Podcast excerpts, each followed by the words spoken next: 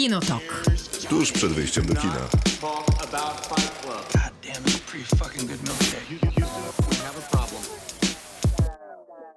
Krzysztof Majewski. Miłosława Bożek. Maciej Stasierski.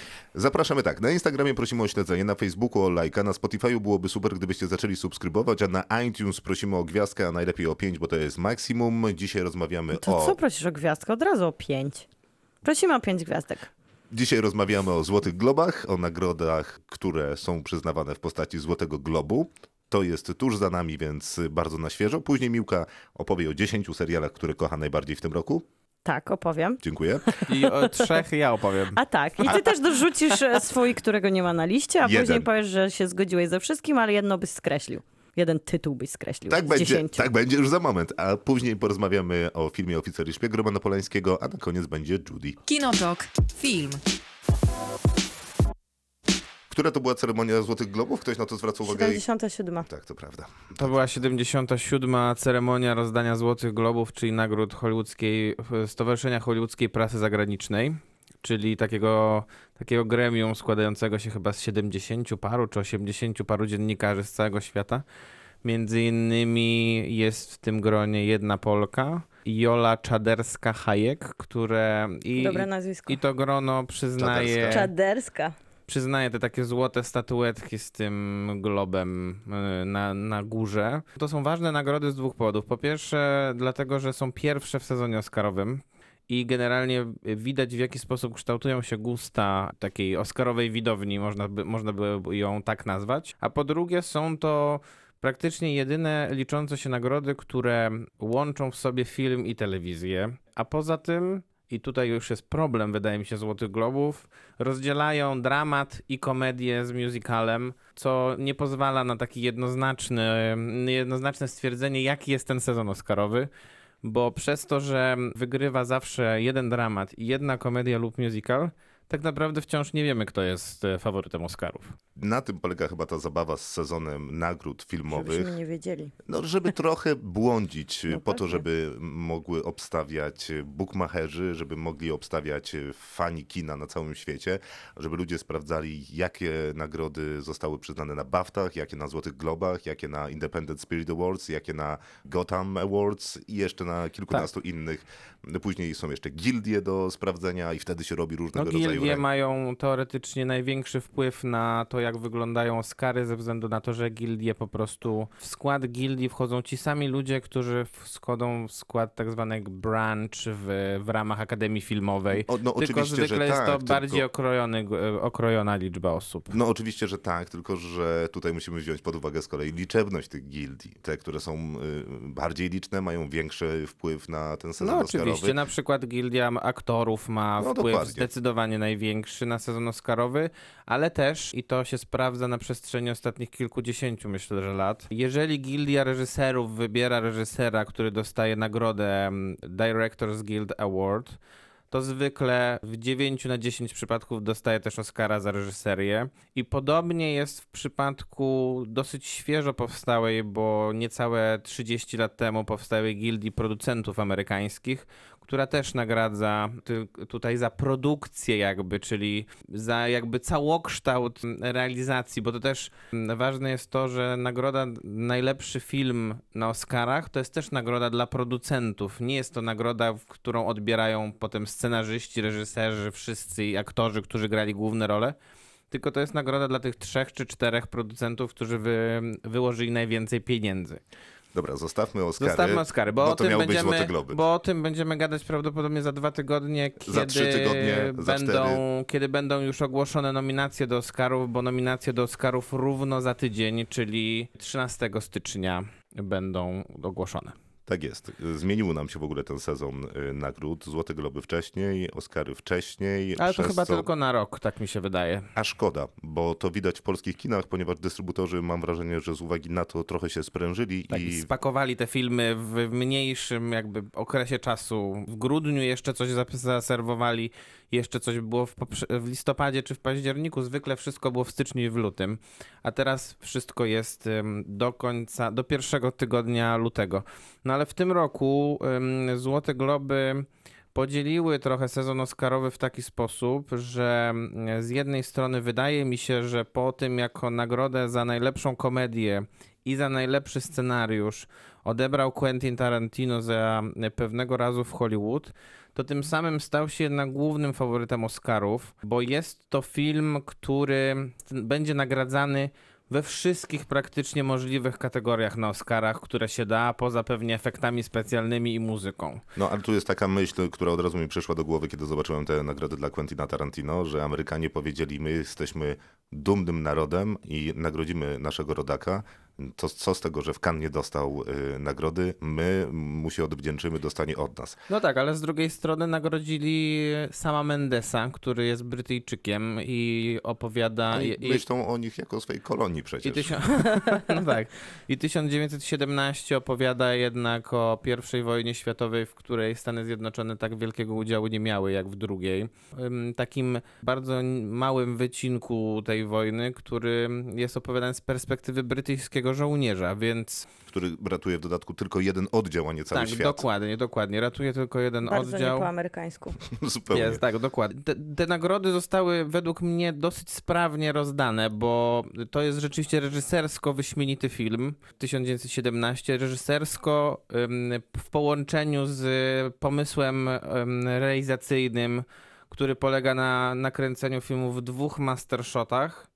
Z jednym cięciem właściwie po środku filmu. To musi być jakieś najlepsze cięcie w historii. Pytanie, pytanie jest tylko takie, i tu jest moja wątpliwość, czy większy wpływ na jakość tego filmu ma reżysersko sam Mendes, czy jednak operatorsko Roger Dickens i montażowo Lee Smith, montażysta Christophera Nolana dotychczas. No i na to nie będzie odpowiedzi, natomiast Akademia Filmowa być może tę odpowiedź da za miesiąc, jeżeli sam Mendes dostanie nagrodę za reżyserię, bo to, że Roger Dickens dostanie nagrodę za zdjęcia, nie ma żadnych wątpliwości. Nie ma żadnych, nie ma, nie ma bardziej imponujących zdjęć. A to, że akurat zrobił dobre zdjęcia Co on, nie znaczy, że dostanie Oscara. to w jego wypadku doskonale świadczy o tym, że może nie dostać Oscara. To Dokładnie. też prawda. A, a propos filmu, najlepszego filmu dramatycznego, to, to jest interesujące, ponieważ y, sam mówisz, że ta odpowiedzialność reżyserska dzieli się tutaj trochę pomiędzy reżysera i operatora. No a kiedy patrzę na konkurencję, którą miało 1917, to tam są naprawdę bardzo solidne filmy. No jest tam Irlandczyk, No tak, nie, ja- jest Joker, historia małżeńska i dwóch papieży. Ja myślę, że znaczy, po pierwsze 1917 to jest zaskakujący bardzo zwycięzca, bo generalnie do, do, do momentu, kiedy Helen Mirren nie przeczytała, że najlepszym reżyserem na Złotych Globach jest Sam Mendes, wszyscy właściwie znawcy tematu uważali, że 1917 jest filmem, który, którego nie ma w tym wyścigu właściwie. Jest filmem, który w kategorii najlepszy film na Oscarach będzie gdzieś pewnie koło szóstego, siódmego miejsca, bo nikt już nie pamięta o tym, że taki film istnieje. Tymczasem ten film nagle ożywa, a z kolei przynajmniej dwa filmy nominowane w kategorii najlepszy dramat, czyli z jednej strony Irlandczyk Martina Scorsese, który nie dostał ani jednej nagrody z pięciu nominacji, z drugiej strony historia małżeńska Noah Baumbaka, która dostała tylko jednego, jednego złotego globa pocieszenia dla Lory Dern za rolę drugoplanową kobiecą. To są filmy, które generalnie umierają właśnie na naszych oczach. Według mnie teraz Oscary na podstawie tego, co się tutaj wydarzyło, powinny się rozegrać generalnie pomiędzy czwórką filmów, czyli pewnego razu w Hollywood jako film, który jest największym teraz faworytem Oscarów, 1917. Jednak wciąż wydaje mi się, że jest bardzo duża szansa na to, że bardzo populistycznego Oscara za najlepszy film dostanie Joker, albo Oscara za najlepszy film dostanie Parasite i to będzie historia y, to rodząca się na naszych oczach. W co osobiście nie wierzę, bo wydaje mi się, że amerykańscy akademicy niezmiennie uwielbiają nagradzać e, Swoich. swoich, tak. a w dodatku filmy o filmach, Tak czyli jest. pewnego razu w Hollywood jest idealnym kandydatem do tego, a Tak mimo olbrzymich zmian, które Akademia zrobiła w swoim składzie, to mimo, że były olbrzymie, to nadal ta stara gwardia jest w przewadze i to oni też głosują, więc Tak. nie zdziwię się, jeżeli pewnego razu w Hollywood wybiorą, ale Natomiast nie to- dziwię się też, że akurat pewnego razu w Hollywood wygrało tutaj Złotego Globa, no bo konkurencja dla tego potężnego Nie była, filmu- bo nie była duża, no to nie. prawda. Dla Natomiast Mhm. zasady powiem tylko, że to nazywam się Dolemite, Jojo Rabbit, Na noże i Rocketman. Wydaje mi się, że jedna rzecz jest jeszcze ważna po tych Złotych Globach, mianowicie prawdopodobnie rozstrzygnęły się w przynajmniej trzy z czterech wyścigów o Oscary aktorskie, bo nie wyobrażam sobie za bardzo sytuacji, w której nagle tak budowana kampania przed Laura Dern miałaby nie zamienić się w złotą statuetkę Oscara. To samo w przypadku drugiego planu męskiego. Jeżeli gdzieś miał być nagrodzony Joe Pesci, bo on jest chyba głównym kontrkandydatem Brada Pitta, to powinien dostać Złotego Globa. Złotego Globa Joe Pesci nie dostał, dostał Brad Pitt. Brad Pitt dostanie wszystkie nagrody podczas tego sezonu Oscarowego. Zupełnie nie mam z tym problemu. Nie, ja też nie mam Nikt z tym nie problemu. Ma z tym problemu. Chociaż Yy, jedyny- na pewno bym się nie obraził, gdyby dostał go Anthony Hopkins za dwóch papierów. Jedyna kwestia jest taka, czy Akademia Filmowa nie uzna roli Brada Pitta za rolę pierwszoplanową i wtedy może się zrobić problem związany z tym, czy on w ogóle będzie nominowany.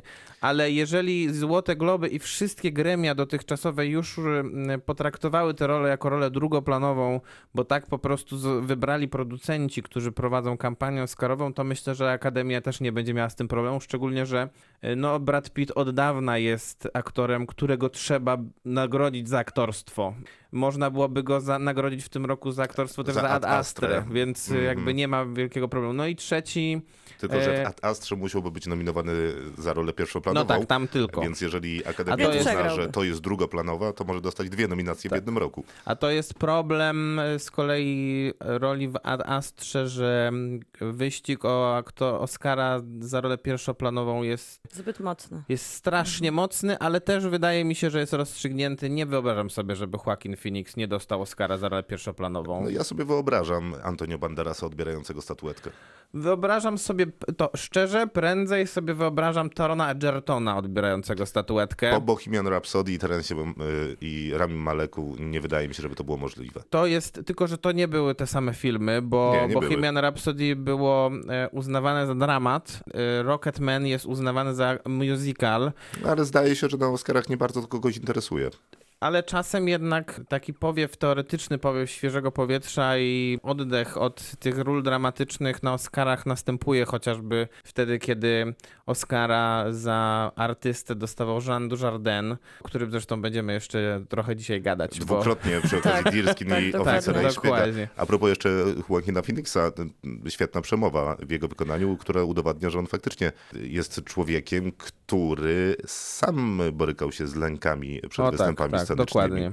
Więc jedyny, o, jedyny taki wyścig o Oscara, który wydaje mi się jeszcze w miarę otwarty, to jest wyścig o Oscara dla najlepszej aktorki. Naprawdę? Najtrudniejsza Bo- bo zresztą chyba Bo kategoria. zupełnie mnie nie przekonuje, mówiąc szczerze, mm, to, że Złotego Globa za, najlepszy dram, za najlepszą rolę w dramacie dostała Renée Zellweger i to już jest jakby koniec Ale to jest wyścigu. taka Oscarowa rola. Tak, Ona ja wiem, że to jest Oscarowa rola. Tylko problem z tym filmem jest taki, że ten film nie będzie nominowany w żadnej No to innej prawda, to nie kategorii. jest- no tak. Nie będzie miał żadnego. Piosenkę pewnie będzie miał. Żadnego. A te piosenki nie są oryginalne. Żadna chyba.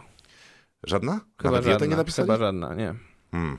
Więc y, jeżeli będzie nominowany, to może będzie nominowany za make-up albo jakieś kostiumy. Mhm. Natomiast to nie są ważne kategorie z punktu widzenia tego, tak, tej, tej top 8 kategorii Oscarowych. Gdyby Judy była jakieś wsparcie w, z innych stron, to pewnie, to pewnie Renée Zellweger byłaby stuprocentową faworytką, tak samo jak ta trójka, o której mówiłem. Natomiast wydaje mi się, że wciąż wyścig jest otwarty pod tym względem, że nie ma gdzie nagrodzić. Warto byłoby pewnie nagrodzić historię małżeńską też za rolę pierwszoplanową. A nie zdaje wam się, to Miłka już analizowała to, że nie wiem, Złote Globy, e, Oscary, oni na dominację Netflixa, mówią im nie, damy Tak, wam tak nominację, jest. ale nie damy wam Troszkę nagród. kara taka. Tak jest, dlatego też... Kara, dla- jesteście za fajni. Tak, albo też e, ustawianie takich granic pomiędzy tym, co jeszcze jest kinem, a co kinem jeszcze nie jest i to, co się działo w Cannes e, rok temu, dwa lata temu, Mhm. to, to trochę też jest dalej taki komunikat, nie, my się jeszcze na to nie zgadzamy, jeszcze Taki- nie jesteśmy na to gotowi. I tak jest i dlatego, dlatego właśnie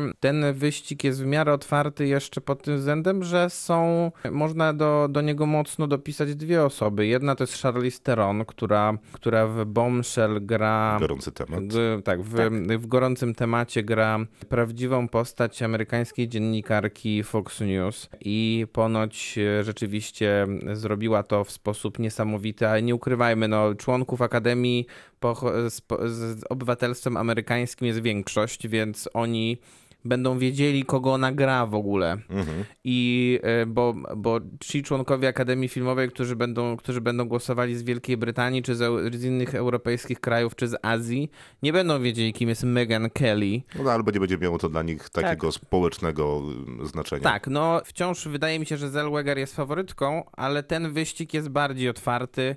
Nie, nie skreślałbym też tej Aquafiny, o ile ona będzie w ogóle nominowana, bo rola jest znakomita rzeczywiście w tym Azjatka, kłamstewku. Tak, no i, no i jakby, jakby Oscary chciały em, pójść w to em, diversity, to myślę, że mogliby się zastanowić mocniej nad... e, Wspaniałe żarty o samej diversity się pojawiły na mowie otwierającej, gdzie było o tym, że no mogliby, mieliśmy taki pomysł, żeby przygotować taki memorial tutaj dla wszystkich, którzy zginęli, umarli w 2018 Ale roku, ale było za, za, za mało czarnych, wszyscy byli biali. No, a propos, a propos Rickiego Gervaisa, no, znakomity był e, jego występ i znakomity był jego monolog. No przecież tych nawiązań wszelkiego rodzaju było naprawdę dużo. Zaczął od... I było dużo Baby- ryzykownych bardzo żartów. Jak e, widać, to nazwa- było na twarzach aktorów, którzy reagowali, Tom Hanks zwłaszcza, z niesmakiem. Tom Hanks To już jest, jest, już memem. tak, on sam No ale nazwanie Joe Pesciego Baby Jodą było Wspaniałe. naprawdę Tak, i, i ten, i fakt, że Martin Scorsese nie powinien nic wiedzieć o parkach rozrywki, bo nigdzie go nie wpuszczają, za- bo jest bo jest za mały. nie? Albo, że e, cały film Quentina Tarantino był na tyle długi, że Leonardo DiCaprio miał już ze starą randkę Ale ze sobą. potem, potem, Partnerkę. potem, Partnerkę. potem też jeśli chodzi o długość Czekaj, czekaj, filmu, Date, było date. Możesz obejrzeć całe Afterlife, czyli serial Rickiego Gervaisa w trakcie trwania tej gali. Tak, tak, tak. I że jest to serial o facecie, któremu żona umiera, a on chce popełnić samobójstwo i jest to i tak większy fan niż ta cała gala, na której jesteśmy. No i oczywiście żart o Judy Dench, który faktycznie O, ale był żart o Judy Dench był bardzo ryzykowny. bardzo ostry. I nawet, nawet Ricky Gervais, Szybko jak go czytał nawiązuje. z Tak, promptera, tak, tak, tak. To powiedział, że nie, nie dam rady. tak. Judy Dench wystąpiła w Kotach, a żart Rickiego Gervaisa Nawet nie wiem, jak to opowiedzieć nawiązuje ten do tego, że Judy Dench marzyła o tej roli przez całe życie i że to jest taka rola, do której się urodziła. A polegała na tym, że leżała na dywanie i ja nie dam rady, dziękuję, proszę sobie obejrzeć w internecie. To jest Tak, dosyć ale mocne. dobry też był No żart, ten- który nie było, mhm. którego nie było w e, którego nie było w tej em, otwierającej przemowie, który zapowiadał wejście na scenę z tego co pamiętam, nie pamiętam kogo, ale kogoś, kto miał zapowiadać z kolei filmik e, dotyczący Irlandczyka i żart, e, który też nawiązywał do długości Irlandczyka, w którym Rick Gervais powiedział, że teraz ten filmik zapowiadający Irlandczyka będzie trwał 88 minut. E, Tych żartów było sporo, ale też e, były jakieś mocne słowa, takie jak Amazon, Disney i wszystkie inne platformy. Pracujecie dla nich. Gdyby ISIS założyło swój streaming, to e, pewnie kazalibyście swojemu agentowi dzwonić i załatwić wam fuchę tam. I Tak samo- wy, którzy w szkole spędziliście mniej czasu niż Greta Thunberg, Tak. nie będziecie nam mówić żadnych, żadnych politycznych. Tak, bo nie wiecie, dlatego- nie wiecie nic o I życiu, dlatego, bogaci i dlatego aktorzy. powiedział, że dlatego powiedział, że podziękujcie swojemu agentowi, Bogu i fuck off. Dokładnie tak było. No, Ricky Gervais y, y, w najlepszej możliwej formie. Afterlife Szkoda, że nadchodzi. Rickiego Gervaisa było za mało, bo, Troszkę było go mało. bo w trakcie całej trzy ponad godzinnej gali po tym, po tym wejściu Ricky Gervais pojawiał się w każdej godzinie, może ze dwa razy, co wydaje, i to tylko, żeby zapowiedzieć aktorów, którzy będą nagradzać kogoś, albo zapowiedzieć, zapowiedzieć Punkt e, programu. e, punkt programu, którym było na przykład przemówienie przewodniczącego stowarzyszenia. Ostatnia kwestia, nawiązując do mm, udanego moim zdaniem prowadzenia tej gali Rickiego Gervaisa, czy on mógłby poprowadzić Oscary, a jeśli nie on, to czy Kevin Hart, a jeśli nie, to czy ktoś w Był ogóle też żart z Kevina Harta. był, czy ktoś w tym roku się tym zajmie. Nikt nie poprowadzi w tym roku Oscarów. To jest chyba dosyć oficjalna już informacja ze strony Akademii Filmowej. Oni chyba uznali, że formuła zeszłoroczna bez hosta przyniosła im jednak korzyści, bo po pierwsze nie musieli wydawać pewnie na hosta pieniędzy, co akurat wątpliwe jest według mnie, że wynikało z tego, że tego hosta nie było, zwiększyła się oglądalność tamtej gali. I to i nie rozumiem trochę przewodniczącego Akademii Filmowej, który myśli, że to wynikało z tego, a nie z tego, że było nominowane Bohemian Rhapsody w siedmiu kategoriach, a Czarna Pantera w dziewięciu. Ale no, zostawmy Co, e, przewodniczącego rok. Akademii Filmowej, że tak powiem, z jego myśleniem, bo w tym roku nie ma aż takich głośnych filmów, które by przyciągnęły aż taką widownię. Znaczy jest Są- Joker, y, który Jest Joker, wydaje tak. mi się będzie przyciągał olbrzymią widownię, chociaż pewnie nie tak dużą jak tę w zeszłym roku. Słuchajcie, powiedzmy jeszcze chociaż y, w dwóch słowach. Powiedzmy o nie, telewizji. powiedzmy, powiedzmy jedną rzecz. Parasite dostał nagrodę Tak, dla najlepszego filmu zagranicznego. ale nie dostał niestety bong za reżyserię, co, co wydaje mi się, dlatego właśnie umieściłem Parasite na czwartym miejscu, jeśli chodzi o możliwości dostania Oscara za najlepszy film. No i teraz błyskawicznie parę słów o telewizji. Co ciekawe, właśnie to kontynuacja jest tej trochę kary dla Netflixa, bo praktycznie żadnych nagród dla no tylko Netflixa Olivia nie Colman ma. Tylko za Olivia trzeci Colman sezon za The trzeci Crown. Sezon The Crown, a tak to w większości HBO i Amery- Właśnie Amazon Prime. Właśnie skończyłem trzeci sezon e, The Crown. 10 odcinków, 10 godzin z Oliwią Colman, prawie cały czas na ekranie. Co to jest za aktorka? No po prostu to jest niewiarygodne. Ja, ja mam na przykład szczęście, bo jeśli chodzi o nagrody telewizyjne, to w kategorii miniseriali wygrał Czarnobyl, czyli jeden z trzech seriali, które oglądałem w tym roku. W kategoriach komedii wygrał Fleabag, który jest też jednym z tych trzech właśnie. Brakowało tylko tych wszystkich nominacji dla Watchmena, żeby ten Watchmen dostał te nagrody za najlepszy serial dramatyczny i wtedy byłbym, byłbym bardzo zadowolony. Od razu zaznaczę, że za tydzień będziemy rozmawiać o sukcesji, m, Tak. więc Maciek obejrzy jeszcze jeden nagrodzony Dokładnie, serial. dokładnie. Sukcesja świetnie, Czarnobyl świetnie, ale to były takie... To mówimy oczywiście o drugim sezonie tak, sukcesji. tak, najlepszy Drugi, serial I dramatyczny. drugi sezon też Fleabag, bo za rolę drugoplanową był nominowany Andrew Scott, który wtedy Złotego Globa nie ode odebrał. Chociaż z drugiej strony nie mam jakichś wielkich pretensji do tego, że odebrał go Stellan Skarsgård za Czarnobyl. Jedyny aktor z Czarnobyla, który dostał Złotego Globa wczoraj, więc też jakiegoś płaczu wielkiego z tego powodu myślę, że nie będzie. Było wiadomo, że Phoebe Waller-Bridge i Fleabag dostaną dużo nagród, wszystkie możliwe wiesz- w swoich A kategoriach. ty wiesz, kto to jest Rami Youssef? Tak, on ma, on ma taką ko- konsekwentną pasę dobrze, bycia dobrze nagradzanym i dobrze odbieranym. To taki komediowy, komediowy No bo to jest serial, bo to jest serial, który chyba jest na Hulu, z tego Tak, co tak. patrzyłem.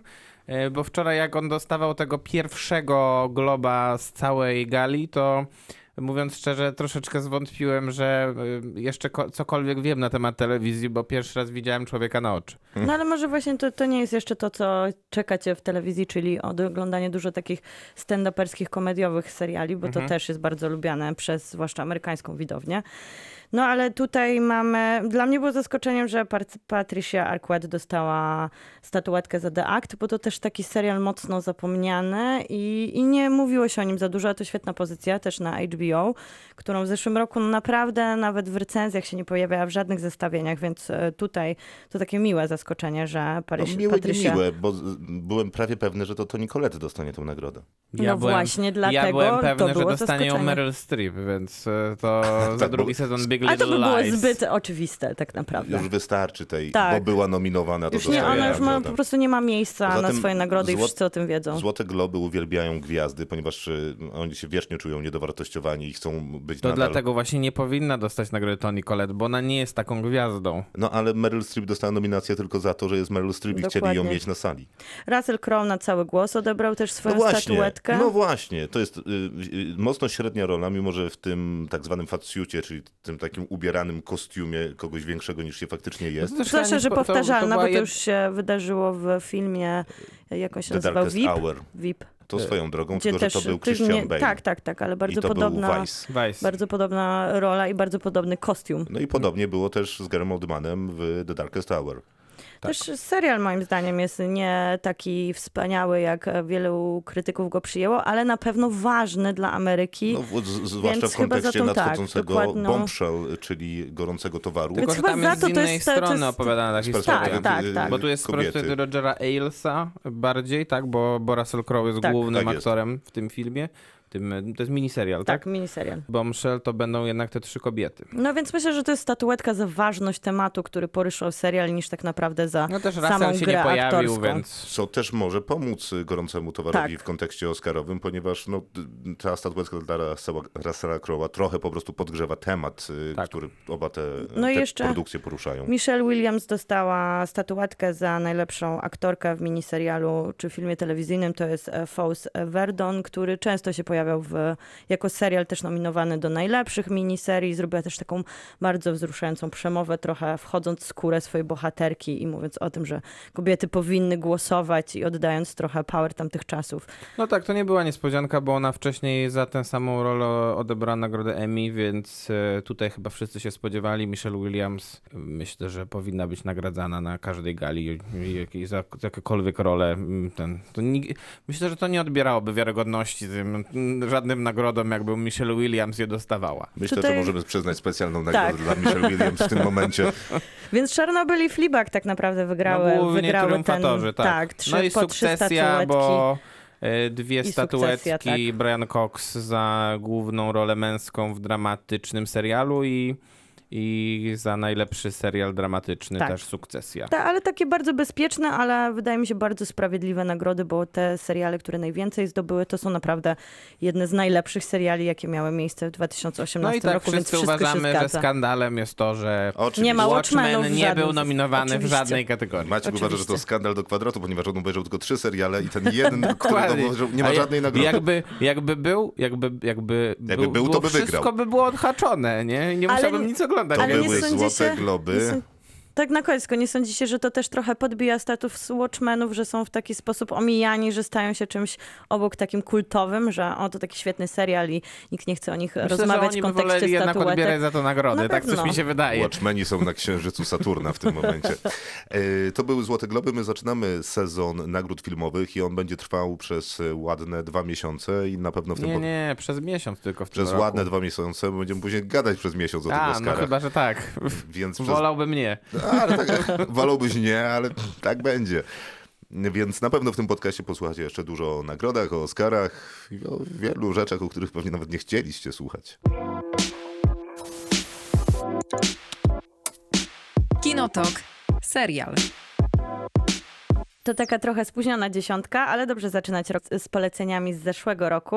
To będzie dziesiątka, moja dziesiątka seriali, ale mam nadzieję, że tutaj Maciek na pewno swoją trójkę, którą masz i nosisz głęboko w sercu swojej pierwszej przygody serialowej też dorzucisz. Dokładnie. I Krzysztof też myślę, że coś dorzucisz. Ja widziałem o... twoją dziesiątkę i jest wyjątkowo dobrą dziesiątką z mojej perspektywy. w dziękuję, sensie zgo- Krzysztof. zgodziłbym się z nią, y, tylko nie ma tam jednego serialu, który powinien być i nie wiem dlaczego go tam nie ma, no ale to będę apelował o się. rozsądek na końcu. Nie ma tam Czarnobyla, ponieważ nie widziałam E, tego dwóch serialu seriali jeszcze. nie ma, A, to- czy jeszcze jeden został, którego Tak, nie ma? tak. No to jestem bardzo ciekawa Mhm. tego.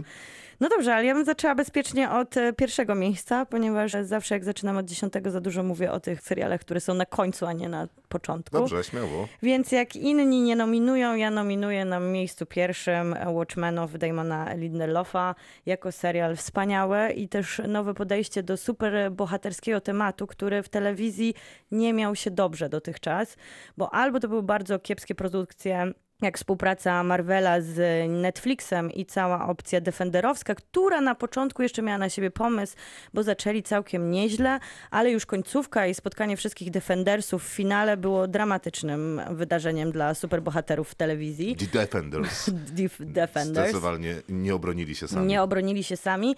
Później pojawił się Legion, który był wspaniały, ale wydaje mi się, że za trudny dla wielu widzów i to było Na takie szczęście my jesteśmy innowatorskie. ta, tacy inteligentni, że nam się podobało. Był w naszych przecież pierwszych trójkach. Gratuluję wam. Pierwszy... Dziękujemy bardzo. Ale Jeżeli wiedzieliśmy... też chcecie być inteligentni, obejrzyjcie Legion. Ale wiedzieliśmy, że to jest mocno hermetyczna propozycja i taka innowatorska i dużo, dużo się tam działo około tego, co było superbohaterską propozycją. To raczej była wariacja na temat komiksów i taki popis tego, co można zmieścić w odcinkach i jakimi gatunkami można się zabawić w ciągu jednego sezonu. No i to dopiero Watchmeni, którzy i tak pokazuje to na to, że nie Jeszcze za łatwo. E, Bad Boysi są nawet w mojej e, The Boysi. The Boysi. The Boysi są nawet w mojej dziesiątce, więc w tym roku superbohaterstwo miało się świetnie w telewizji.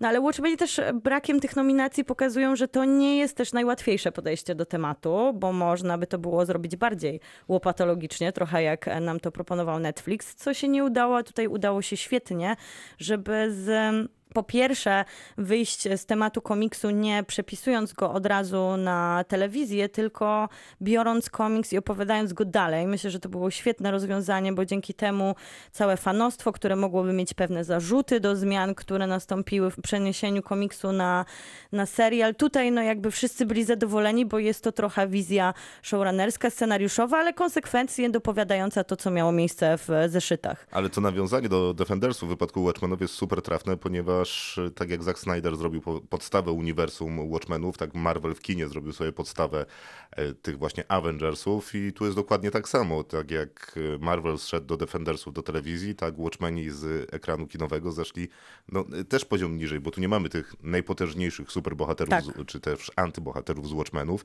no tylko mamy takich obrońców prawa w przebraniu e, z poziomu ulicy raczej. Tak, z poziomu ulicy. I mamy też oprócz Ale to zmiana jakościowa chyba była w innym kierunku. Ja lubię y, Watchmenów Zacka Snydera. Ale mówię, że... Ja też lubię. Ale jednak z Aven... mówię, że mówiliście, że Defendersi Aha, tak. Tak, są tak, oczywiście. fatalni, Avengersi Oczywiście, jednak... Oczywiście.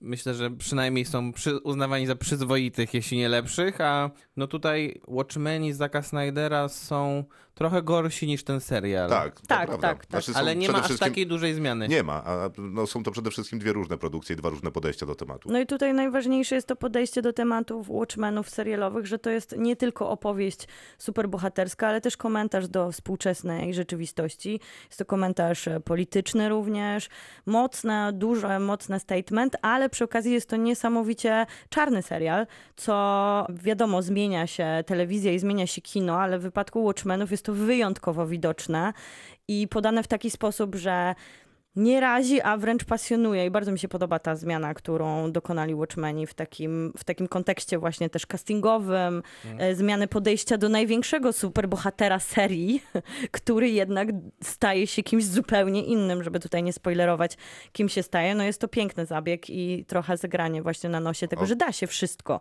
zrobić już teraz. Okej, Watchmeni, mier- miejsce, nie miersze, ale Miersze. miejsce, miersze pierwsze.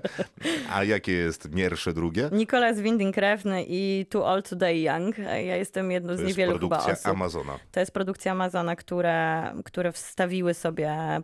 No, to jest, to jest dziwne, bo to nie jest do końca serial, nawet sam Nicholas reżyser. Winding Refn jest reżyser między innymi Drive, między innymi Tylko Bóg wybaczy yy, i mojej ulubionej Valhalla Rising. Proszę bardzo, pięknie, dziękuję za to I wprowadzenie. I, Neon Demon. na przykład Neon Demon. Też, Ja, ja lubię. No i ja lubię wszystkie filmy Nicolasa Windinga Refna, co widać też w odbiciu tego, że zasłużył u mnie na miejsce drugie z serialem, bo jestem trochę taką jednak psychofanką jego.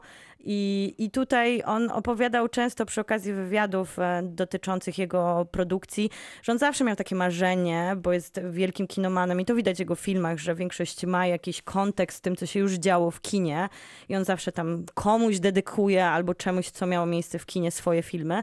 No to ten serial jest taką już bardzo głęboką wyprawą w jego pasję do filmu, a mamy serial i on mówi, że to jest jednak 13-godzinny film. Dzięki temu, jak zmieniła się telewizja, w końcu może sobie pozwolić na taki eksperyment i ktoś mu dał na to bardzo dużo pieniędzy i mnóstwo wolności. Amazon naprawdę dał mu taką przestrzeń, którą no, rzadko można spotkać w serialu, bo to nie jest to, do czego widz jest przyzwyczajony. Tam jest bardzo wolna narracja, większość scen jest tak wizualnie stylizowana na obraz, więc mamy malarstwo, które dostajemy na ekranie. Dzwońcie do Małym Lecha ekranie. Majewskiego. To prawda. I mamy też bardzo, bardzo dobre aktorstwo fal jest publiczna dziwne. niech zadzwoni, nie? E, Lech Majewski ma premierę w, za pół roku. W telewizji? Nie, chyba wcześniej. Tak? To rozmawialiśmy nawet o tym kiedyś tam. Tak, Tak, tak, rzeczywiście tak. To Dolina Bogów. A, Czekamy. Ale nie- w telewizji. Tak, nie Myślałam, że już, że już e, jakiś tutaj potajemnie serial odkryłeś, że Lech Majewski robi. Nie, nie, nie. No to Too Old to Die Young jest bardzo specyficzną propozycją. To jest 13 godzin. Ale to jest o czymś? To jest o, tak, tam Miles Teller gra młodego policjanta, więc trochę Nie, jest. Trochę jest taka zmiana. Nie lubisz? Nie Nie. lubisz? Ja bardzo lubię. Nie znoszę. O, to mocne emocje. W, lubię w Whiplashu i w niczym innym. To Taka cisza aktor? teraz, to jest ten aktor, tak, No, to jest dobrze. aktor z Whiplasha. No, no, On zrobił bardzo to. dużo takiego małego, niszowego amerykańskiego Takiego kina. małego gówna. Mhm. Świetny jest to Meister, może powinieneś zobaczyć. On jest policjantem, który nagle postanawia, to jest bardzo jakby zawiła historia, nie chciałabym spoilerować, ale on się oddaje takiej pokrętnej sprawiedliwości, która ma, jak to zwykle u REF nabywa, bardzo brutalny wymiar, więc jest dużo takich pusherowych odwołań. Jest bardzo, bardzo dużo krwi. Pusher to trylogia, którą tak. Winnie Grefn zaczynał. zaczynał i, i to, jest, i to, to jest jeden z takich bardziej już chyba kultowych przemocowych filmów o, gar- o gangsterce, jaki miał miejsce w kinie, dla mnie przynajmniej. Z Tomem Hardym? Nie, nie, nie, tam ch- jest Z Tomem Hardym jest Bronson. Bronson, Bronson, tak. Tam jest oczywiście. bardzo mało takich znanych twarzy, to raczej taka była wtedy... Okej, no dobra. Tak, Ta, no no, i więc co jest, z tą em, przemocą? I jest to opowie, jest to historia przemocy z dwóch perspektyw, bo z jednej strony tego policjanta, który właśnie angażuje się życiowo w sprawy, które nie dotyczą policji, a z drugiej strony mamy gangstera młodego, który rozpoczyna taką vendetę. Zginęła jego matka i on tą matkę chce pomścić. Tam jest też bardzo głęboka historia seksualnych relacji między tym gangsterem a jego matką, więc jest to Okej, jak to, się, zwykle... No, to się robi zbyt skomplikowane. Nicolas Winding Grefn, Jest to historia przemocy. tytuł. T- Too old young. Na miejscu pierwszym są Watchmeni, na miejscu trzecim Na miejscu trzecim jest Fleabag z drugim sezonem Phoebe Waller-Bridge. dopiero co nagrodzony na Złotych Globach. Dokładnie. Który, gdyby mógł, to byłby nagrodzony wszędzie. Jest to serial, który jakoś tak dziwnie bez echa przeszedł z pierwszym sezonem, ale drugi otworzył go na świat i już chyba wszyscy wiedzą, czym i kim jest, e, bo czym jest serial, a kim jest Phoebe Waller-Bridge, która teraz pisała scenariusz do najnowszego Bonda i która... Współpisała i Tak, zajmowała się prawda, tylko poprawianiem dialogów. Ale dostała teraz od Amazona, bo to serial Amazon Prime 20 milionów e, na następne projekty, więc e, jest doceniona i na pewno będziemy od niej coraz więcej dostawać projektów. Myślę, że. Fleabag to taki tak. krótki serial komediowy z z często łamaną czwartą ścianą o dziewczynie, która nie radzi sobie ze swoim życiem w Londynie w każdym prawdopodobnie możliwym wymiarze tego życia. Tak, jest to też obraz taki opowiadający o, o miłości, o radzeniu sobie ze stratą, o wielu takich poważnych tematach, ale w sposób komediowy, błyskotliwy bardziej niż komediowy, bo to jest takie błyskotliwe, inteligentne i czułe poczucie humoru. W drugim sezonie dostajemy jeszcze Andrew Scotta, który wspaniale wpisuje się w to, w taką nową odsłonę Fleabagu, bo przy pierwszym sezonie Czyli profesora Moriarty z Sherlocka od Dokładnie tak, a tym razem ksiądz, e, bardzo modna postać w 2018 roku. Dużo księ- księży mieliśmy w kinie.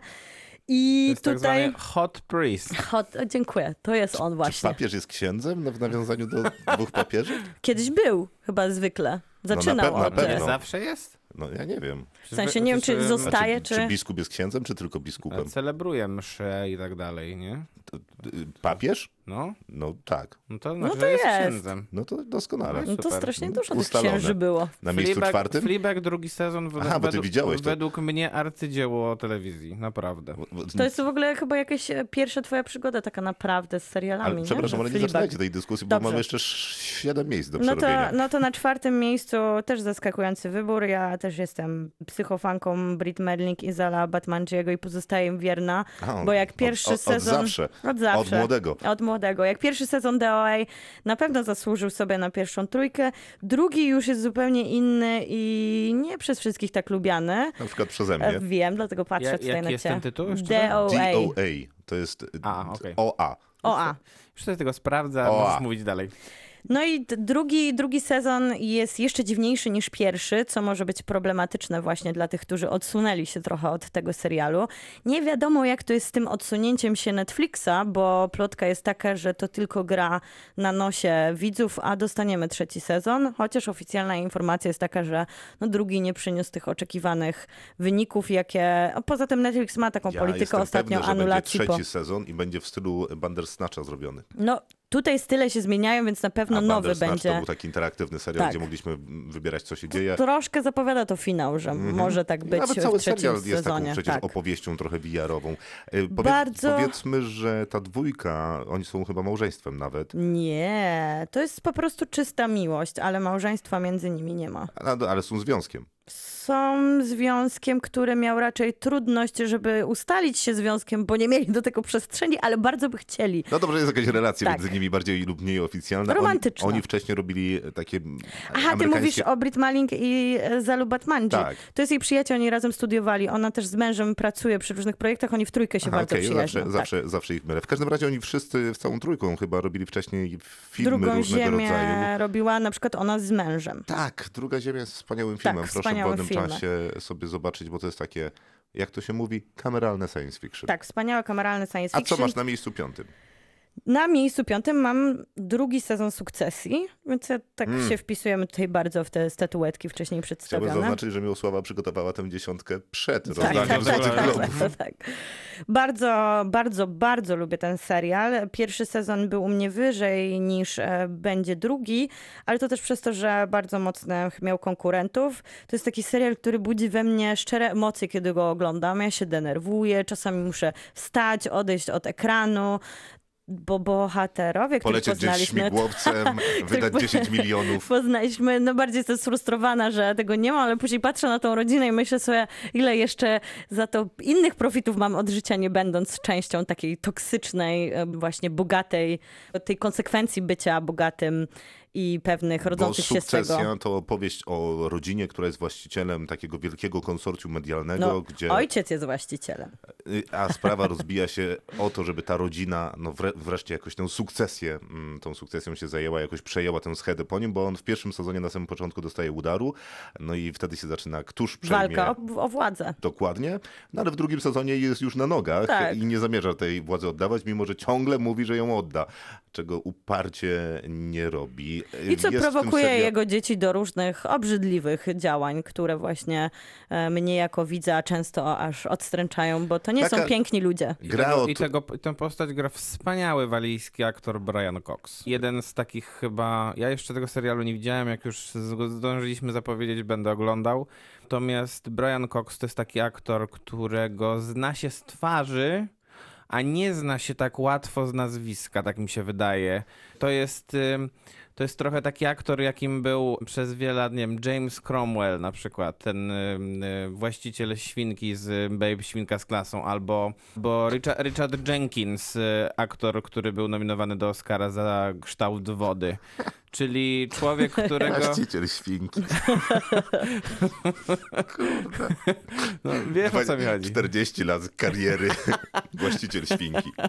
No i y, Brian Cox jest też trochę takim aktorem, bo on na przykład pierwszy zagrał Hannibala Lectera w, y, w zapomnianym filmie Michaela Mana. On grał na przykład w Troi, beznadziejnym filmie, ale wspaniałą rolę y, króla Agamemnona. A powiedz to szybciej. Popatrz, jak się przygotowuje. To jest I grał wielki fan też- Briana Coxa. I no. grał też w takim, takim bardzo długim, nudnym filmie o Trybunale Norymberskim i tam zagrał Hermana Geringa i za to dostał kiedyś nagrodę Emmy, więc to nie jest y, nie, niedobry aktor. Nawet nie wiedziałem, nie że w tym niedobry robimy portret Briana Coxa. Ale Lepiej byś się To nie, przygotował. i, Super, i nie jest że to jest. fizyk profesor Brian Cox, tylko aktor walijski Brian Cox. Ale też trzeba przyznać, że to nie jest jedyny ty highlight obsady sukcesji, bo tam wszyscy są świetni. Od drugiego planu Tak. Wszystkie twoje po seriale w pierwszy plan. dziesiątce są świetne, więc nie mogę się doczekać to- to szóstego prawda. miejsca. Aktor, przepraszam. A szóste miejsce to Euforia. Walijczycy Sama, są, znajdą cię. No, wiem. Euforia sama Lewisona z słynną piosenkarką popową Zendają, która też umawia się z Spider-Manem na randki, albo on bardzo marzy, żeby pójść z nią na randkę. Poczekaj, Nie, nie, przepraszam, się umawia z nim po pierwsze na randki, po drugie jest wspaniała I Wspaniała jest, nie ma co do tego żadnych wątpliwości, że ona jest wspaniała. Przepraszam, czy ona, aktorka, umawia się ze Spider-Manem, czyli Tomem Nie, nie, Hollandem nie. na Ona randkę? się nie, umawia nie. jako, jako, jako bohaterka. Tak, Tak, w filmie y, Spider-Man i w tym wcześniejszym Tak, tak Spider-Manie jest. Tak. jeszcze nie. Euforia to jest e, serial, który na początku budził kontrowersje, bo niby miał być dla młodzieży, później się okazało, że zupełnie dla młodzieży nie jest, a jest dla dorosłych, Nie, no ale opowiada na o początku młodzieży. każdego odcinka jest ostrzeżenie, że, że to nie jest serial, to serial dla dla dorosłych. młodzieży, tak. Ja I- wiem, że się z tego nabijałem, bo każde ostrzeżenie z serii to nie jest dla dzieci, y, brzmi, albo to jest dla dorosłych, brzmi jak to dla mnie, mam 14 lat. Jest to ciekawe, bo rzadko dostajemy my dorośli propozycje o młodzieży, które dalej są dla nas interesujące i traktują o tym na tyle, żeby nie czuć się, że oglądamy jednak jakieś seriale young adult, które są poświęcone dla tych młodszych, ale na, na przykład ja je oglądam ze względu na to, że oglądam wszystko i później no, jestem w pewnym momencie zmęczona, bo wiem, że to nie jest już moje uniwersum. Pamiętam jak A- Kazik śpiewał, najbardziej u młodzieży wkurwia mnie to, że już więcej do niej nie należy. No i właśnie, i tamte seriale ci o tym przypominają, Euforia ci o tym nie przypomina. Przypomina ci, że kiedyś byłeś młody, ale to jest bardzo, bardzo sprawnie, bo to jest świetnie zrealizowany To serial. jest super psychodeliczne, bo ona jest jakąś Tak. taką nastolatką, która ma różnego rodzaju jest problemy uzależniona od narkotyków, tak. a przy okazji jest uzależniona od chyba wszystkiego, co się da Tak. zjeść. Tak, tak. I też e, właśnie tak jak mówisz, e, ma różne problemy psychiczne, ale jest to głównie serial o dojrzewaniu, o odkrywaniu własnej seksualności w różnych wypadkach, bo nie tylko głównej bohaterki, ale w tle też mamy różne trudniejsze lub milsze e, przypadki odkrywania własnej seksualności. Jest świetną rolą, a też Hunter Schafer, która jest w życiu prywatnym, nie tylko w serialu, właśnie zmieniła płeć i tym, tą samą bohaterkę, bohatera gra w serialu Euforia. Jest e, pierwszym takim też e, w telewizji, e, pierwszą taką bohaterką i to jest taki głos wsparcia. No i tak jak DOA zrobiło coś najdziwniejszego w telewizji kiedykolwiek i później zrobił to REF, no to Euforia też daje powiew świeżości, bo ten serial wygląda bardziej jak teledysk, nawet taki jest e, finał tego serialu, bardzo teledyskowy, gdzie Zendaya śpiewa, bo może i robi to dobrze. Bo tam jest cały taki te, teledysk E, jeden do Cały jednego. teledysk jeden do jednego, więc e, jest tam też więcej takich momentów bardzo teledyskowych, jak Zendaya, kiedy jest no, pod wpływem narkotyków, chodzi po świecie odwróconym do góry nogami. To świetnie wygląda, jest świetnie zagrane. Jest naprawdę bardzo dobra propozycja, która traktuje o takich tematach, które wydało, wydawałoby się, że nie są interesujące. Siódme miejsce. Siódme miejsce A to nie to, było jest... siódme? Nie, To to, było było szóste. szóste. Mindhunter z drugim sezonem Davida Finchera i... Wiecie, że David Fincher w tym roku zrobi seri- film dla Netflixa? Tak! Super! Super i to też... Na, nareszcie. To będą Oscary. Tutaj jak pierwszy sezon mi się wcale tak nie podobał, to drugi sezon mi się bardzo podobał. To też dlatego, że David Fincher przy pierwszym nie był w pełni showrunnerem, tylko współpracował z showrunnerem, który został zwolniony po pierwszym sezonie. W sumie jest dziwne, bo był świetnie przyjęty ten pierwszy sezon Mindhuntera, a drugi jest praktycznie cały pod pieczą Davida Finchera. Od jest tego, że lepszy. kilka jest dużo, dużo lepszy. Jest wspaniały, jest taki Fincherowy, ma dużo z Zodiaka, tego co robił wcześniej David Fincher w kinie. Jest ciekawy i ma dużo takich świetnych mrugnięć oka, jak Creepy Child, e, które tam się pojawia w drugim sezonie i naprawdę fajnie rozładowuje to, czego w ogóle nie było w pierwszym żeby- sezonie. Creepy Child to jest syn jednego z dwóch głównych bohaterów. który ma różne podejrzane ciągotki, zwłaszcza patrząc na zawód ojca, czyli on bada różnych socjopatów i morderców, a jego adoptowany syn ma pewne predyspozycje, żeby wpisać się w ten profil, który on sam konstruuje. Bardzo ładne zagranie. Bardzo ładne zagranie, bardzo dobry drugi sezon Mindhuntera. Na ósmym miejscu mam Living Neverland Dana Rida, czyli serial dokumentalny opowiadający o Ledwo na ten serial się załapał tymi swoimi dwoma odcinkami. No, ale załapał się jakby całym impaktem, który przyniósł Jasne. i tym, co, co w całej dyskusji, która już od dłuższego czasu ma miejsce, pokazał zupełnie nowe do tego podejście. Jest to kontrowersyjny dokument, bo zburzył niektórych, jak innym pokazał nową perspektywę na sprawę molestowania Michaela Jacksona młodych chłopców. Molestowania przez Michaela Tak, Jacksona. tak, tak, tak, przepraszam. I Dan Reed On jest... nie e, był molestowany. Danny Reed jest bratem jednego z, jednej z ofiar właśnie Michaela Jacksona i to jest dokument, to są gadające głowy, to jest dokument poświęcony temu, żeby dwie osoby opowiedziały o swoich doświadczeniach. No właśnie, to jest dobrze powiedziane. Ja mam, jakby formalnie ten dokument jest y, średni. No tak, jest średni, ale, ale, Ale jest impact, ważny. ale jest Ale ważny. jest, tak, no, nie odbieram mu ważności mówiąc z tym, że Bo realizacyjnie jest jest, średni. wiarygodny. Jest Tak. bardzo wiarygodny i, i zadziwiająco wymagający, ale też zostawiający nas nie Czekaj. z taką złością, Widziałeś? a... No czemu nie? To, to, to, takie rzeczy też się ogląda. Nie, no ja wiem, ale ostatecznie to ma serial w nazwie. No ale ostatecznie to też y, o tym wszyscy mówili, nie? Tak, Więc to prawda. Ostatecznie masz rację. Miło Na miejscu to będzie... dziewiątym tak. będzie The Boys, Erika Kirpke jako drugi mój super, druga moja superbohaterska pozycja. Niepoważne. To jest świetny serial. To nie jest świetny on jest serial. świetny, on jest zabawny, on tak śmieje się. Jak, jak e, teraz Bywa czytam, zabawny. jak teraz czytam, że Wiedźmin się śmieje z siebie samego, no ja w to nie wierzę, ale jak oglądałam The Boys, to naprawdę wiedziałam, co to znaczy śmiać się z telewizji, bo on przyjmuje taką konwencję bardzo złego jej realizacji, trochę takiej właśnie AXN-owej, ale jednak robi to dlatego, żeby się z tego śmiać, bo śmieje się ze wszystkiego, co jest związane z superbohaterami. Jest tam super pomysł na to, że jest wielka korporacja, która trzyma pieczę nad wszystkimi magicznymi, supermoca- supermocarnymi postaciami, no i rządzi się prawami wielkich korporacji, więc z jednej strony mamy taki współczesny świat, a drugiej strony mamy to, że superbohaterstwo też można kupić i można z nim robić różne rzeczy. Mamy nawet mitu, które się pojawia w rzeszach przebrane w kostiumy bohaterów. To jest ósme? Przepraszam, bo nie... To jest To jest dziewiąte. dziewiąte. A, a co ty przysypiasz? No, i No na tak dziesiątym troszeczkę. mamy Niewiarygodne, czyli serial Netflixa o takim głośnym case'ie w Stanach Zjednoczonych. No o... nie, no naprawdę. Tak. Tak, bo ja uważam, że to jest bardzo ważny serial, Przepraszam, który... może no, chodziło mi bardziej o case niż o serial. Sam serial, i tam masz to Nicolette też, którą przecież chciałbyś, żeby miała... e, Chciałbym. Chciałbyś. no Pewnie, żebym właśnie. chciał. To bardzo, bardzo dobry serial, a Netflix e, za wielu dobrych, bardzo dobrych seriali nie ma, więc tutaj się cieszę, że takie To niewiarygodne teraz zrobił. rodzi się pytanie, a gdzie gra o tron? Nie ma gry o tron, W piekle. ale, Smaży się w piekle.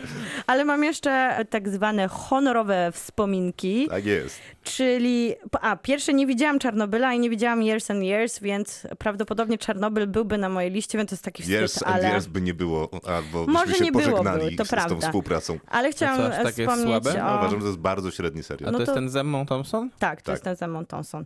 To jeszcze przede mną. Ja bym chciała tutaj pomachać do Rickiego Gervaisa i jego Afterlife, które było świetnym serialem w Wspaniałym. 2018 roku.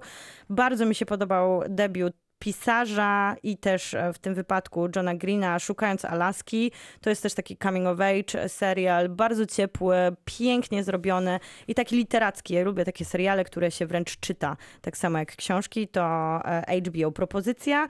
I ja muszę wspomnieć o czwartym sezonie Magików. Ja jestem wielką fanką. To jest takie z jednej strony guilty pleasure, ale z drugiej strony to jest naprawdę fantastyczny serial. I czwarty sezon jest Proszę po jej nie prostu wierzyć. epicki. Proszę jej nie wierzyć, Więc ja muszę- widziałem jeden sezon. No wiadomo, że nikt mi nie wierzy, kto widział nawet jeden odcinek. Albo pięć minut. Ale jest pełne fanostwo i pozdrawiam też e, tych, którzy Ja- są w mojej grupie ja magików. to nazywam serialem na chorobę. Jak mam 40 stopni gorączki, to jestem w stanie wytrzymać. Ja też chciałam wspomnieć o True Detektywie z trzecią odsłoną, bo Nick Pizzolato, jak nie sprawdził się w drugim detektywie, to uważam, że trzeci sezon wrócił na może nie poziom pierwszego, ale na naprawdę bardzo dobry poziom opowiadania wielowątkowej historii kryminalnej, gdzie dostaliśmy w tym, e, w tym w zeszłym roku taką też odsłonę o, mówiącą o chorobie, mówiącą o przyjaźni między mężczyznami, takiej wieloletniej i pięknej. No i oczywiście o tej zagadce kryminalnej, która gdzieś tle była, z dobrymi przeskokami czasowymi, więc też e, bardzo, bardzo w porządku propozycja na, jeżeli ktoś nie zobaczył w 2018. To niech wybrzmi ten Czarnobyl, bo to jednak był, e, była m, propozycja serialowa, którą pierwszą obejrzałem w tym, w tym roku m, już minionym i e, dawno nie oglądałem serialu, a ten e, można było wciągnąć na raz, gdyby się dało, a nie dało się, bo niestety to było HBO, dobrze pamiętam? Tak, HBO, tak, no, HBO. trzeba było czekać. Trzeba było czekać e, z, z tygodnia na tydzień, ale było warto, bo to była rzeczywiście propozycja niesamowita. Taka, jeśli chodzi o, jeśli chodzi o trzymanie widza w napięciu, to żaden film chyba w tym roku tak dobrze tego nie robił. I... Chyba, że Władca Paryża. No, Krzysztof. No a poza tym em, Musiałem. to w jakiś bardzo dobrym moim zdaniem pomysłem było to jednak, żeby nie nakazywać tym e, e, o um, brytyjskim większości aktorom mówić y, w, z rosyjskim głupkowatym, sztucznym akcentem. Ale oni próbowali tak zrobić. Y, Kiedy przyjechali na plan, to stwierdzili, że okej, spróbujmy mówić ten taki... Na chwilę. Na chwilę, zobaczymy jak będzie. I ponoć ci, którzy mieli takie korzenie nie, nie anglosaskie, doradzili sobie z tym bardzo dobrze, ale akurat ten angielski akcent zmiękczony przez rosyjski to jest absurd i oni stwierdzili, No że nie tak będą No to się w to super, bawić. ale to super, I że dobra, sprawdzili dobra to. to była decyzja, żeby jednak nie iść tą drogą. y, No i przez to ten tercet aktorski, zresztą nominowany do Globów, y, czyli Jared Harris, Stellan Skarsgård i Emily Watson, no zrobili tam robotę naprawdę niesamowitą na tym ekranie. Super się cieszę, że tobie się ten serial podobał, ponieważ takim mocnym argumentem przeciwników tego serialu było to, że on idea jest lepiej oceniany niż by mógł, ponieważ ludzie obejrzeli grę o Tron, byli, byli załamani jej finałem, e, więc, stwierdzili- Och. więc Czarnobyl był taką Aha. chusteczką na Nie, to pocieszenie. ja nie obejrzałem gry o Tron i mimo wszystko Wiem, byłem to zachwycony. Czarnobylem. Tak. Tak, bo Ale to to- kawał dobrego To serialu. też trzeba wspomnieć o tym, że HBO od lat, od lat ma zawsze praktycznie co roku swoją mini, mini serial swój. Taki high profile. Taki high profile. mhm. Najczęściej były to seriale poświęcone kobietom, ale oni zmieniają i co, co Nie, roku nie, nam bo to coś... jest chyba jakaś osobna seria. No, No bo tak, bo mieliśmy-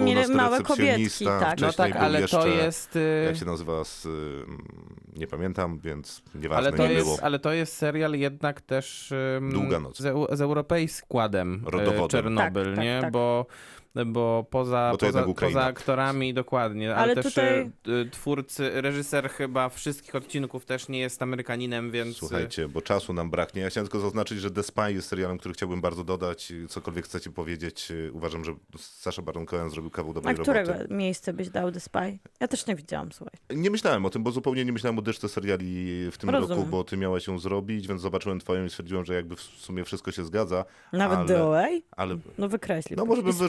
Byś tam wpisał. no, ale nie na czwarte miejsce. No nie. No. Ale Czarnobyl by wpisał na czwarte. Czarnobyl na pewno Albo na wpisał na, trzecie. na czwarte, raczej na czwarte, albo, albo bardziej na szóste. A The Spy to był naprawdę dobrze trzymający w napięciu serial. I teraz płynnie przejdziemy od szpiega do oficera i szpiega. Au nom du peuple français, le premier conseil de guerre du gouvernement militaire de Paris a reconnu le nommé Dreyfus Alfred Oficer i szpieg Romana Polańskiego jest już w kinach, tylko mam taki problem, bo sprawdziłem parę kin w regionie. e, I nie ma. I trochę trudno obejrzeć. Co nie zmienia faktu, że jak możecie obejrzeć, to zdecydowanie serdecznie polecam obejrzeć historię francuskiego kapitana Alfreda Dreyfusa, który został niesłusznie oskarżony o zdradę stanu, następnie skazany na dożywocie.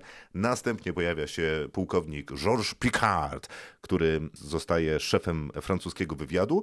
Okazuje się, że uzyskuje dostęp do dowodów, które wskazują na to, że Alfred Dreyfus mm, tak naprawdę nie jest winny zdrady stanu, a szpiegiem jest ktoś zupełnie inny, ale okazuje się, że oficer żydowskiego pochodzenia, czyli właśnie Dreyfus, to była po prostu postać, którą najłatwiej i najwygodniej było skazać i wysłać na tak zwaną Wyspę Diabła, czy Wyspę Diabelską, czyli generalnie kawał skały pośrodku niczego, z więzieniem na środku, co już jest w ogóle draństwem niewiarygodnym.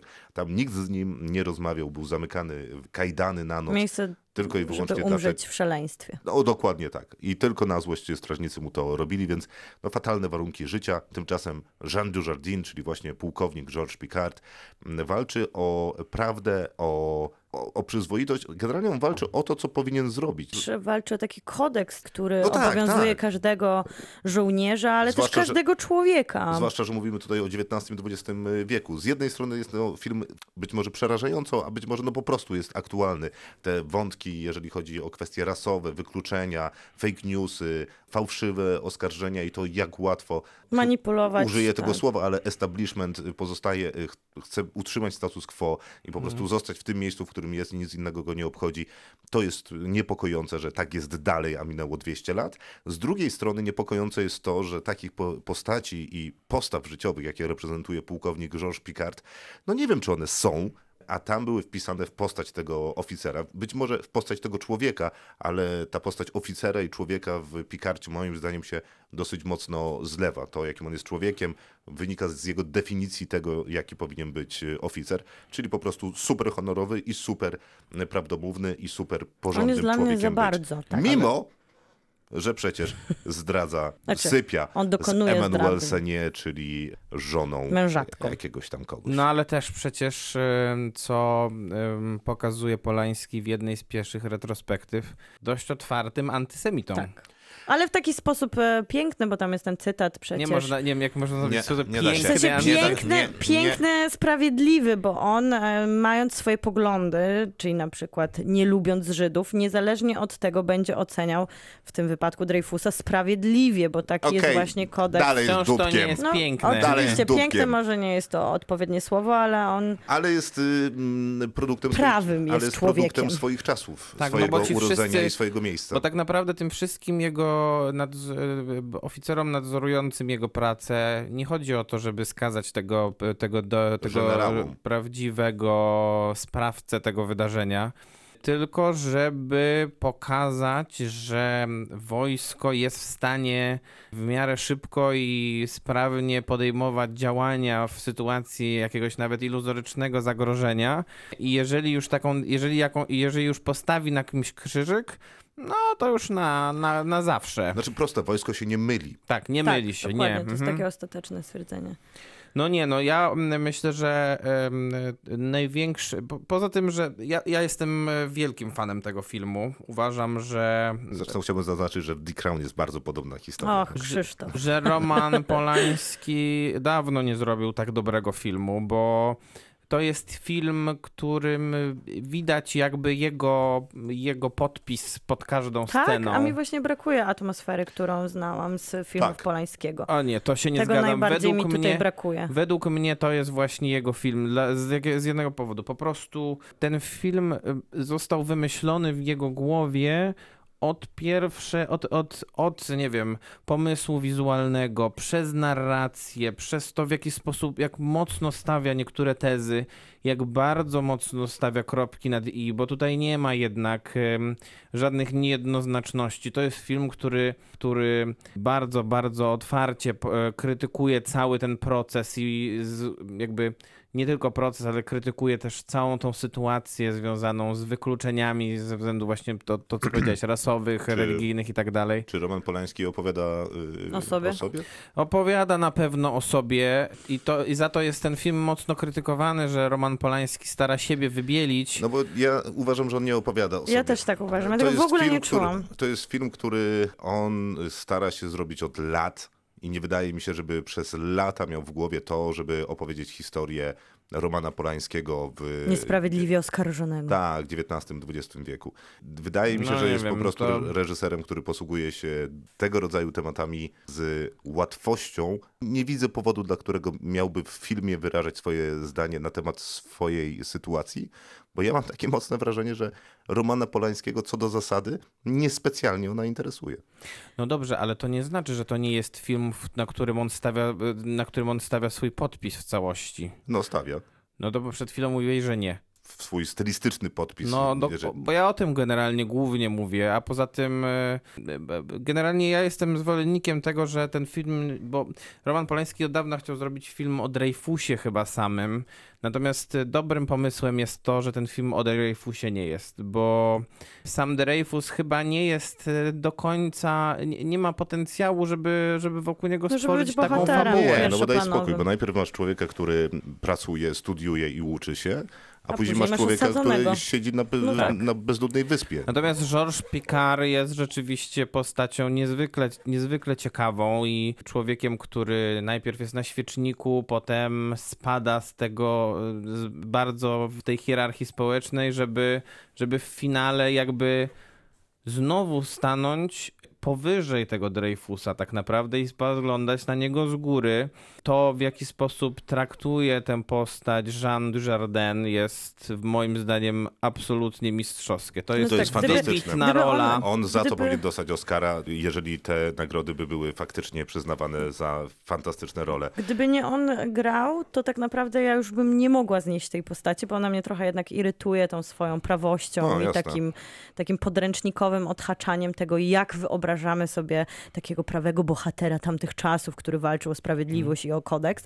I gdyby nie on, by, który gra go faktycznie fantastycznie i nadaje tej no, takiej jednowymiarowej postaci mocno e, wiele twarzy, no to, to ja bym e, miała problem duży z tym filmem.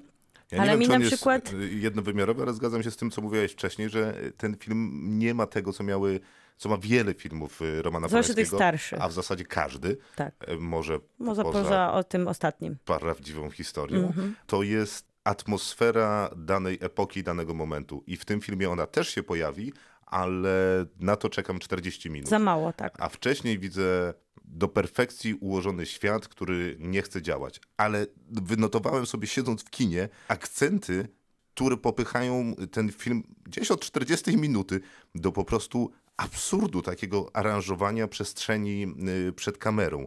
Picard przychodzi do jednego z generałów i rozmawia z nim i kiedy on mówi kolejne zdanie, generał nudząc się wyciąga tabakę i ją wciąga. E, W innej scenie, kiedy podchodzi pod drzwi i dzwoni do tych drzwi, to nie jest zwykły dzwonek, tylko na jakiegoś starego sposobu, taki pierwszy elektryczny dzwonek, który trzeba pociągnąć.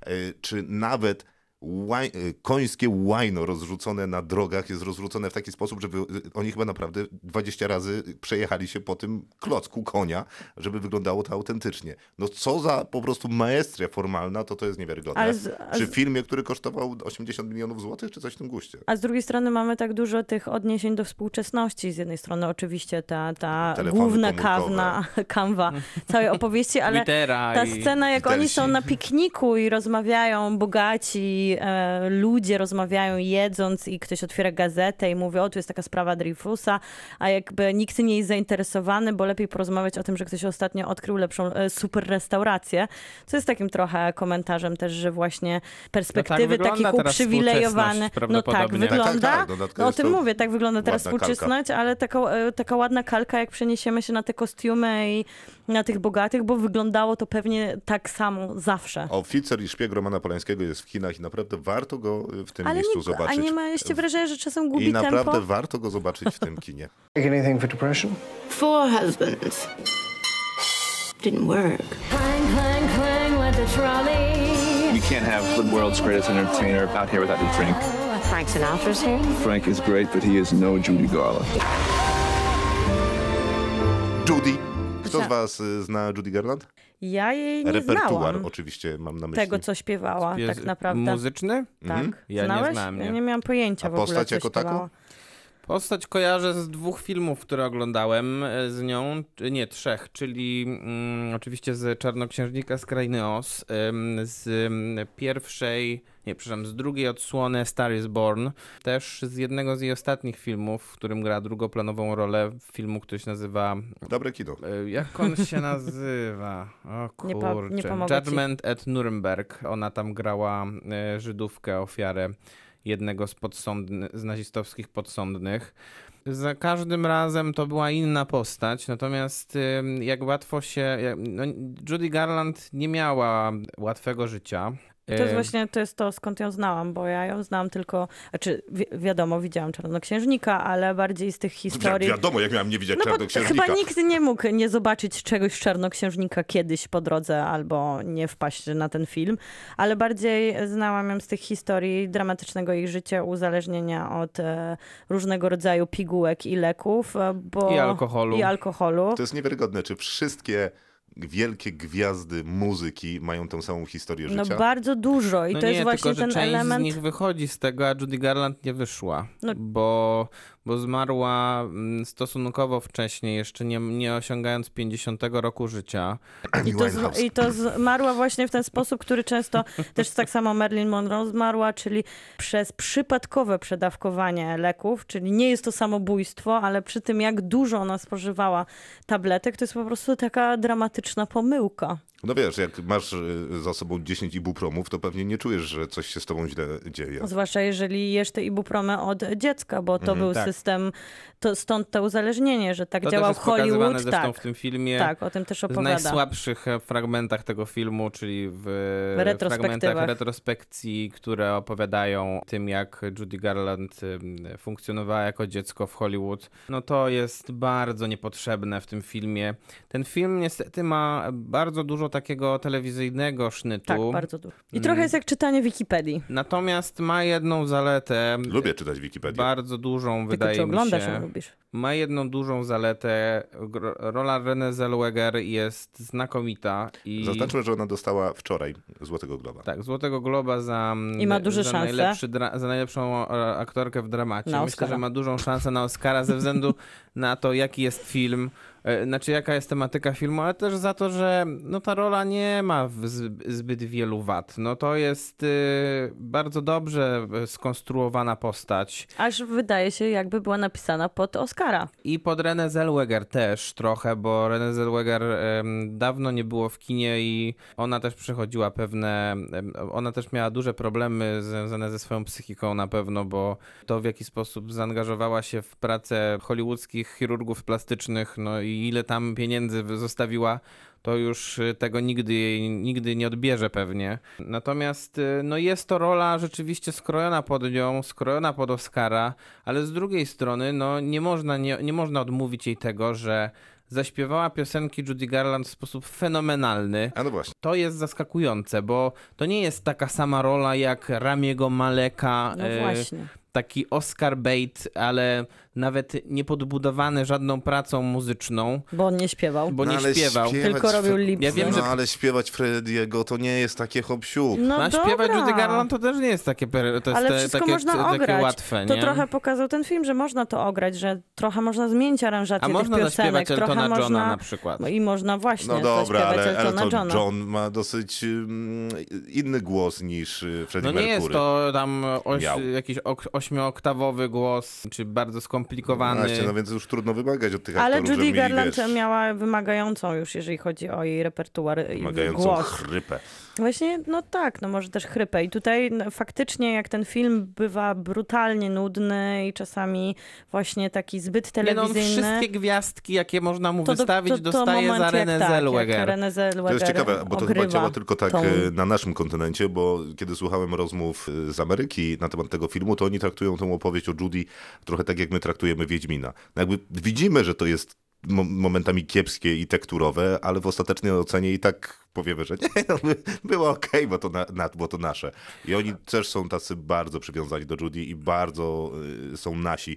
Kiedy Może- dwie osoby rozmawiały i wymieniały się, wiecie, ulubionymi piosenkami, No to bo mówię, Judy to, Garland- tamto, to, tamto. A było, może to też mówicie. tłumaczy... Bo Judy Garland nie jest aktorką, czy nie jest piosenkarką amerykańską, tylko jest jednak postacią popkultury. To Ha, tak jak... no e, tak. ale nie funkcjonującą na naszej Na- szerokości i tak. długości geograficznej. I to pewnie tłumaczy, dlaczego ja miałam takie poczucie, że ten film nie wyczerpuje mi Judy Garland. Ja jej nie poznałam, ja tylko dowiedziałam się, jaki No, był też ten- początek i schyłek jej życia. Bo całą resztę oni wiedzą. A oni wiedzą całą Tak, resztę, więc no, faktycznie to, to dlatego był- też to może był- nie działać zupełnie dla mnie jako widza. To był świadomy wybór jednak, wydaje mi się, żeby nie opowiadać całej historii Judy Garland, bo z kolei to, tego Renée Zellweger już by sama nie Tak, no tego udźwignęła. w ogóle nie wiem, czy film by więc, jakikolwiek Więc udźwig- bez sensu udźwignął. było to robić, bo ona miała ileś tam milion różnych małżeństw. No cho- jakby cały czas się kręciła w tym świecie celebryckim, tak można byłoby to już chyba nazwać.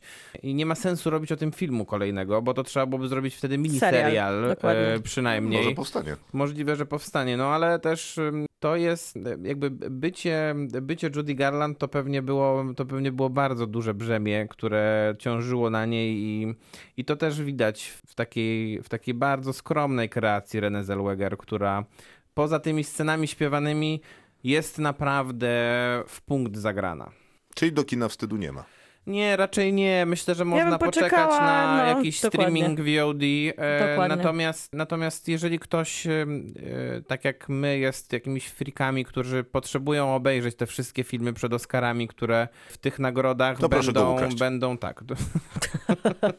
To był Kinotok. Zapraszamy serdecznie na Instagramie. Prosimy o śledzenie. Na Facebooku o lajka, na Spotify byłoby super, gdybyście zaczęli subskrybować. Na iTunes prosimy o gwiazdkę, a najlepiej o 5. Przepraszam, miałem mówić, że od razu 5, więc tak, prosimy o tak, 5. tak, tak. I za tydzień też będziemy rozmawiać o paru tematach. Za tydzień jest kiepski rok.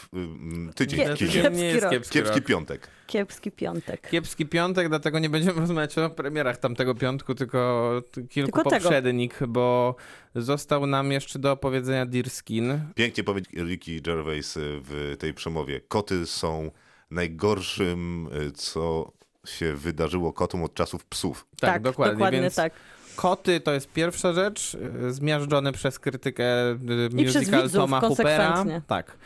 Deerskin, czyli propozycja y, z Jean Dujardinem również o mm, facecie, który jest opętany wizją posiadania kurtki. Y, Soku z masłem orzechowym, taki sandansowy klimacik, y, prosty film drogi z Shia LaBeoufem niestety w Znowu? roli głównej, a serialowo Dracula, czyli propozycja Netflixowo-BBC. No właśnie, bo to BBC bardziej, ale Netflix, Klas tak. i gra w główną rolę Klas Bang, znany z The Square. Trzy odcineczki po 90 minut. Dzięki, do usłyszenia. Dzięki. Kinotok. Tuż przed wyjściem do kina.